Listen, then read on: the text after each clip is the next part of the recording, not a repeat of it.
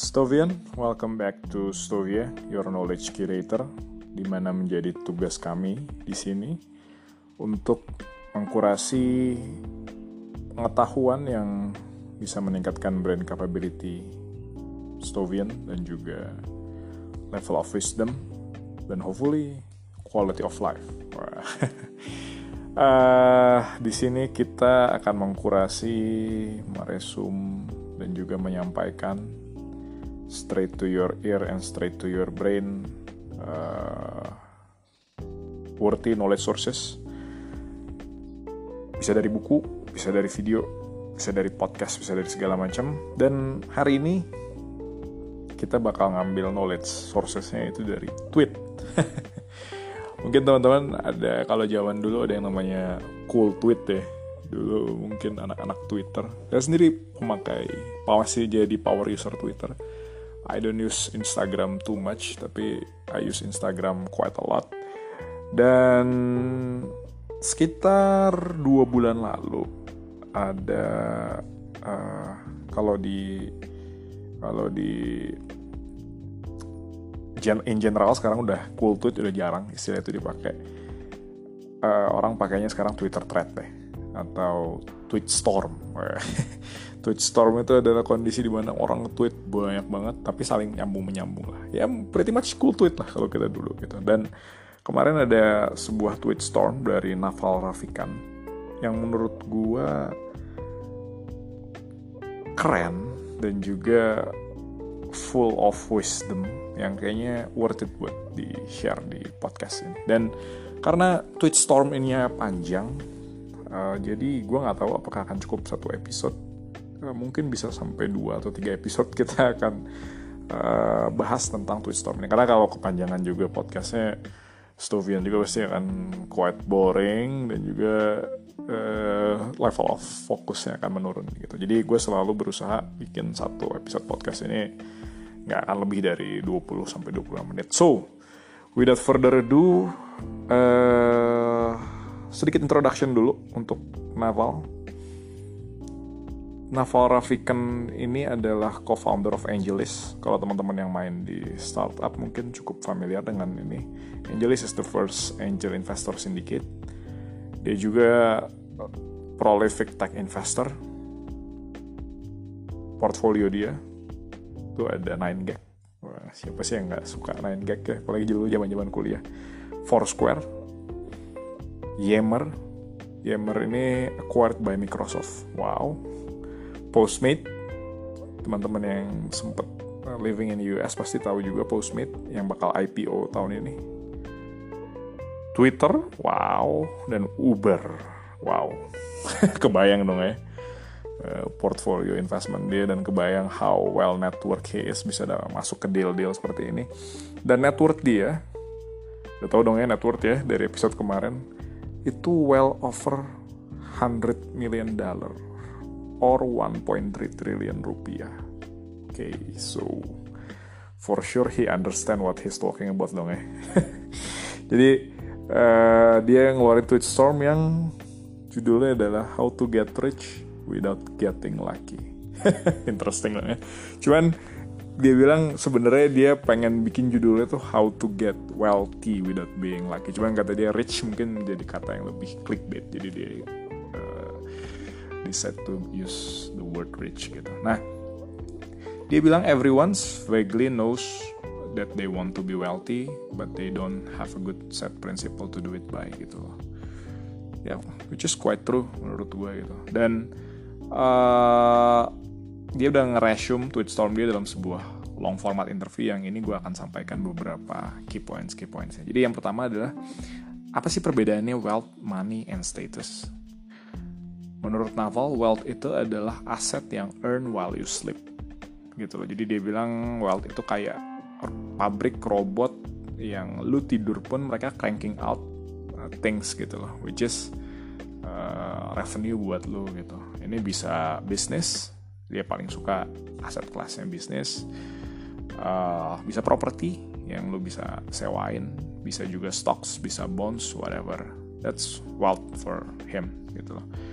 Dan uh, the reason kenapa orang tuh pengen uh, wealth is for for him ya setelah dia banyak bergaul dengan orang-orang kaya dan dia sendiri pun jadi orang kaya itu just one thing. One main driver adalah freedom untuk kebebasan untuk memilih apa yang mau dia lakukan kapan dia mau bangun kapan dia mau tidur kapan dia mau kerja kapan dia mau liburan kapan dia ini gitu loh. Jadi uh, wealth itu buys freedom gitu. Dan you don't have menurut kata dia nih di tweet dia you don't have to uh, waste away your entire life grinding productive hours into a soulless job that doesn't fulfill you.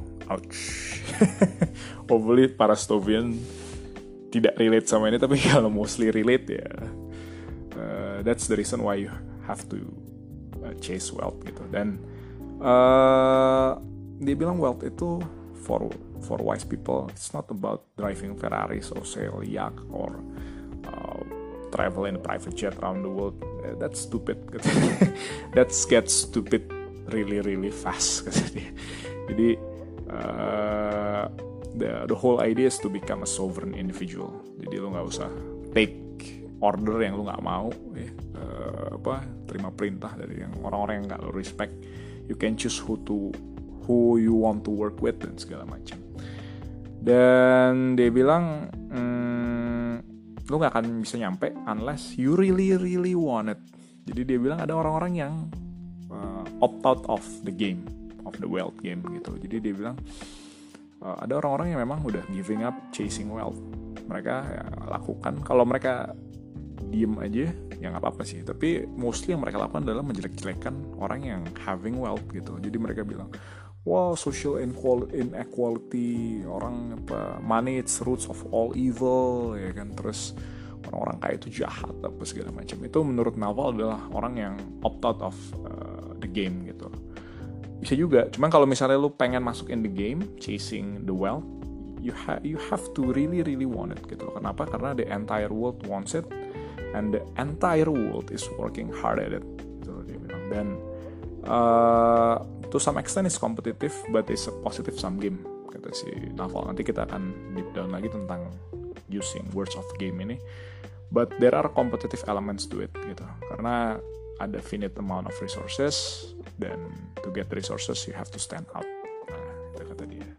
Poin kedua dia bilang dan kalau itu wealth money itu apa money itu adalah how we transfer wealth. Money is a social credit dia bilang it's the ability to have credits and debits of others people time gitu. Kalau misalnya you do your job the society will say oh thank you. Uh, you have done a good job. This is my money. Take it. Uh, we owe you something gitu. Dan dia bilang uh, I owe you itu uh, kalau teman-teman tahu ada IOU letter itu surat utang itu dia bilang itu money gitu. Jadi uh, semakin lu create value for society, whatever it is in your professional job, if you are a lawyer and you are very good at it, and society find your service valuable, ya mereka bakal bayar lu. As simple as that. Dan mereka bakal bayar lu lebih mahal lagi, lebih mahal lagi once lu semakin jago, semakin jago, semakin jago. That's money. That's the way we transfer wealth. Status? Nah, status apa nih? Status tuh adalah ranking lu di social hierarchy. Nah, ini ini ini gets interesting karena dia bilang uh, ada dua game tadi Riverback tuh yang gue sempet ngomong tadi. Ada dua game di dunia ini. Itu adalah wealth game and status game. Gitu. Wealth is not a zero sum game kata dia. Everybody in the world can have house. The fact that you have a house it doesn't take away my ability to have a house. Quite make sense dong ketika tetangga kita atau misalnya coworker kita nih ketika coworker kita punya rumah itu bukan berarti kita jadi nggak bisa punya rumah kan karena dia punya rumah. You get what I mean? Zero sum game itu adalah kondisi di mana ketika lu dapet ya udah lu nggak bisa dapet. Jadi kalau A punya rumah berarti lu nggak bisa punya rumah. Wealth is not like that. Wealth is a, a positive sum game gitu loh. Dan uh, we can create things together kata dia. We starting this endeavor to create a piece of art that explains what we're doing. At the end of it, something brand new will be created. It's a positive sum game. Wow, gitu. Status, on the other hand is a zero sum game dia bilang dia ambil contoh politics politics is a zero sum game is a status game once seseorang jadi presiden eh, yang lagi panas-panasnya saat ini orang lain nggak bisa jadi presiden once seorang jadi menteri orang lain nggak bisa jadi menteri gitu. Dan uh, it's a very old game kata dia. Ini udah ada sejak monkey tribes. Terus sejak yang katanya leluhur kita dulu gitu loh. Karena kan ada kepala suku. Ketika satu orang di kepala suku orang lain nggak bisa jadi kepala suku. That's a status game. Dan ketika orang jadi populer katakan itu rebut-rebutan. Kalau menurut gua artis entertainment business is a status game gitu dan dan Naval juga bilang the fact that people love to love a luxury brand is because it's a, they play a status game, not a wealth game gitu. Jadi dia bilang wealth game semua bisa main dan semua bisa menang. Status game, hmm, I don't think so gitu. Karena why people buy kayak Lamborghini yang cuman katakan ada 12 di seluruh dunia. Gua nggak tahu itu Lamborghini brand apa, cuman seingat gue ada yang seperti itu. Karena they play status game. Kalau gue punya, berarti lo nggak punya dan mereka doing status signaling gitu loh status signaling bahwa oh gue ini orang kaya loh gitu dan Naval menurut dia dia nggak menyalahkan people who play status game but he doesn't think that it brings value for society for people who play the status game. Dia bilang once you reach certain threshold certain level ketika lo udah menang di world game you have to encourage people to win the world game juga gitu instead of playing status game gitu. Dan uh, the problem with status game katanya you have to put somebody else down dan you have to fight to put other people down to put yourself and the people you like up. Yeah, make sense. Uh, dan ini yang menarik. Keep key takeaways-nya adalah dia bilang making money isn't about luck. Iya, menurut gue ada ini ada benernya. Cuman dia nggak dia nggak dia nggak explicitly bilang luck tuh nggak ada nggak doesn't play any factor ya. Dia bilang seperti ini. Making money isn't about luck, it's about becoming the kind of person who makes money. Oke, gue breakdown lagi ke bawah. A lot of people think money is about luck, it's not. It's about becoming the kind of person that makes money. Dia bilang, I like to think that if I I refer to Navalnya lost my all money lost all of my money and you drop me in the random street in any English speaking country. Within 5 to 10 years I'll be wealthy again. Because it's skill set that I develop and I think anyone can develop. Dia bilang if I'm a poor immigrant kid from India can make it in US so if I can do it then anyone can dia bilang. Jadi dia bilang create wealth itu bukan luck, itu skill set. Jadi uh, it's not pretty much about luck. Dan dia bilang in the thousand parallel universe, parallel universe jadi ada beberapa universe. You want to be wealthy in 999 of them. Dan dia bilang ada four kinds of luck that we're talking about. Ini came from Mark Andreessen, Mark Andreessen yang dulu bikin Netscape. uh, one of the most prolific investor juga dia bilang pertama ada blind luck blind luck ini adalah kalau lu menang lotre atau lu menang uh, judi gue gak tahu ya lu main ke Makau terus main judi terus lu menang gede gue gak tahu that's blind luck gitu uh, atau lu menang undian berhadiah lu dapat uang satu miliar gitu uh, dia bilang blind luck adalah uh, something completely out of my control happen. That's a fortune. Yang kedua adalah dia bilang luck itu adalah luck from hustling. Jadi luck from hustling ini adalah ketika lu uh, create persistent, hard work, hustle gitu. You running around, create lots of motion, lots of opportunity, lots of energy dibilang ini yang menarik nih. It's almost like mixing a petri dish and seeing what combines. Petri dish, petri dish itu tuh kayak tube ya, tube laboratorium yang lu masukin kimia-kimia, udah gitu lu kocok, lu puter, itu biasanya dia menghasilkan satu kimia baru gitu. Jadi dia bilang you running around uh, you hustle you do whatever right? You you you you push yourself and then see what happen. Nah itu luck from hustling gitu uh, sometimes it works sometimes it doesn't. Gue pribadi gue pernah uh, dapat banyak luck dari hustlingnya I just do random things and then it works tapi kadang-kadang it doesn't work juga gitu yang ketiga dia bilang luck yang lebih tinggi adalah luck from preparation gitu. Uh, a third way is that you become a very good at spotting luck. Nah ini kalau lu bisa baca trend market yang sempat gue bahas mungkin gue lupa di episode pertama atau kedua, uh, you will notice when lucky break happens in that field. Nah kalau lu udah sensitive to luck, it's a true skill and knowledge and work, and then you work on it. Jadi you have the hustle, you have the energy, you have everything. Tapi kalau di stage 3 ini, lu udah punya strategi, lu punya planning, lu punya preparation juga. That's luck number 3. Nah ini yang paling tinggi nih level lucknya dia bilang. Luck yang paling tinggi itu adalah luck from unique character. Dia bilang last kind of luck is the weirdest, hardest kind. That's what we want to talk about. Dia bilang everyone should strive for this kind of luck which is where you build unique character, unique brand, unique mindset, where then luck finds you. Dia kasih contoh. Let's say you're the best person in the world at deep sea underwater diving. Eh, jadi untuk menyelam uh, di laut dalam, lo adalah expert uh, lo membuild brand lo sebagai orang yang bisa take on the deep sea underwater dives that nobody else in the world will even attempt to dare. Jadi lo bangun popularity lo, lo berani sekali yang masuk ke kedalaman yang orang-orang gak berani. Dan by sheer of luck somebody find a sunken treasure ship off the coast. They can't get it. Well, their luck just become your luck karena mereka automatically ketika mereka butuh someone yang diving untuk dapat si harta karun itu they will call you.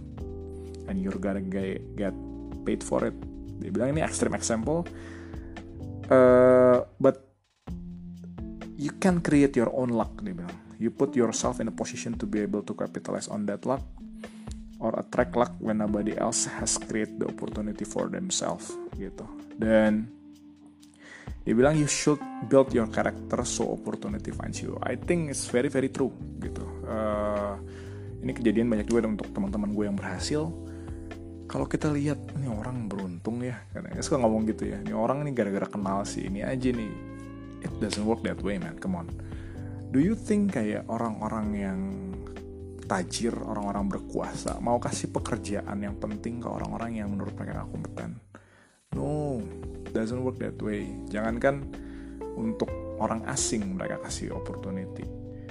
Untuk keluarganya kadang-kadang tahan-tahan. I know a lot of powerful people ya.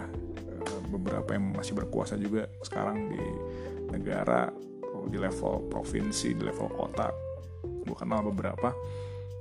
Mereka bahkan keluarganya nggak dikasih opportunity. Kalau mereka melihat itu nggak kompeten. Jadi you have to build your competence first. You have to build your track record first. Dia bilang unique characteristic unique brand unique uh, skill. And then opportunity will find you dan last point yang menurut gue menarik uh, berhubungan dengan poin keempat tadi about luck from unique character and about building your character adalah dia bilang networking is overrated even early in your career.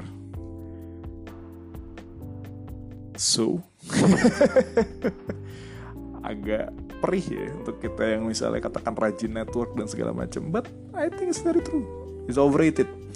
Dia bilang uh, if you think you're going to make it big by going out and networking and doing a whole bunch of meeting, you're probably incorrect. Yes, networking can be important early in your career, and yes, you can get serendipitous with meetings atau keberuntungan yang dari di atas, but the odds are pretty low, sangat sangat low. Sometimes it happens, but most of the time it doesn't happen. Dia bilang better adalah you build your competence, you build your character, you do social uh, meeting, but uh, limit itu waktu lo katakan 10 10-20% aja untuk networking 80% lu build your, your your thing whatever it is your skill your business you whatever gitu. Loh di era sekarang kita susah lah kalau cuma modal-modal ngebluff ngebluff aja.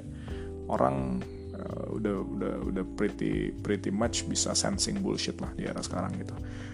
Dia bilang kalau lu hanya relying on meeting uh, like people and hoping to get that lucky break, most of them, eh most of people do that deh. Gue suka lihat di conference orang kayak uh, ber, ber berharap ketika mereka bisa ketemu Nadim, ketika mereka bisa ketemu yang founder-founder unicorn, tiba-tiba mereka mau bekerja sama dengan startup mereka gitu. I think it's, it's stupid thinking gitu. Dan dia bilang when you do that, you relying on type one luck which is blind luck and type 2 luck which is hustle luck yang probability sangat kecil gitu but you're not what you're not getting dia bilang adalah type 3 or type 4 luck where you do preparation and you build your character you build your business you build your craft untuk siap nerima opportunity it's a better kind of where you spend time developing a reputation working on something developing unique point of view being able to spot opportunity that others can.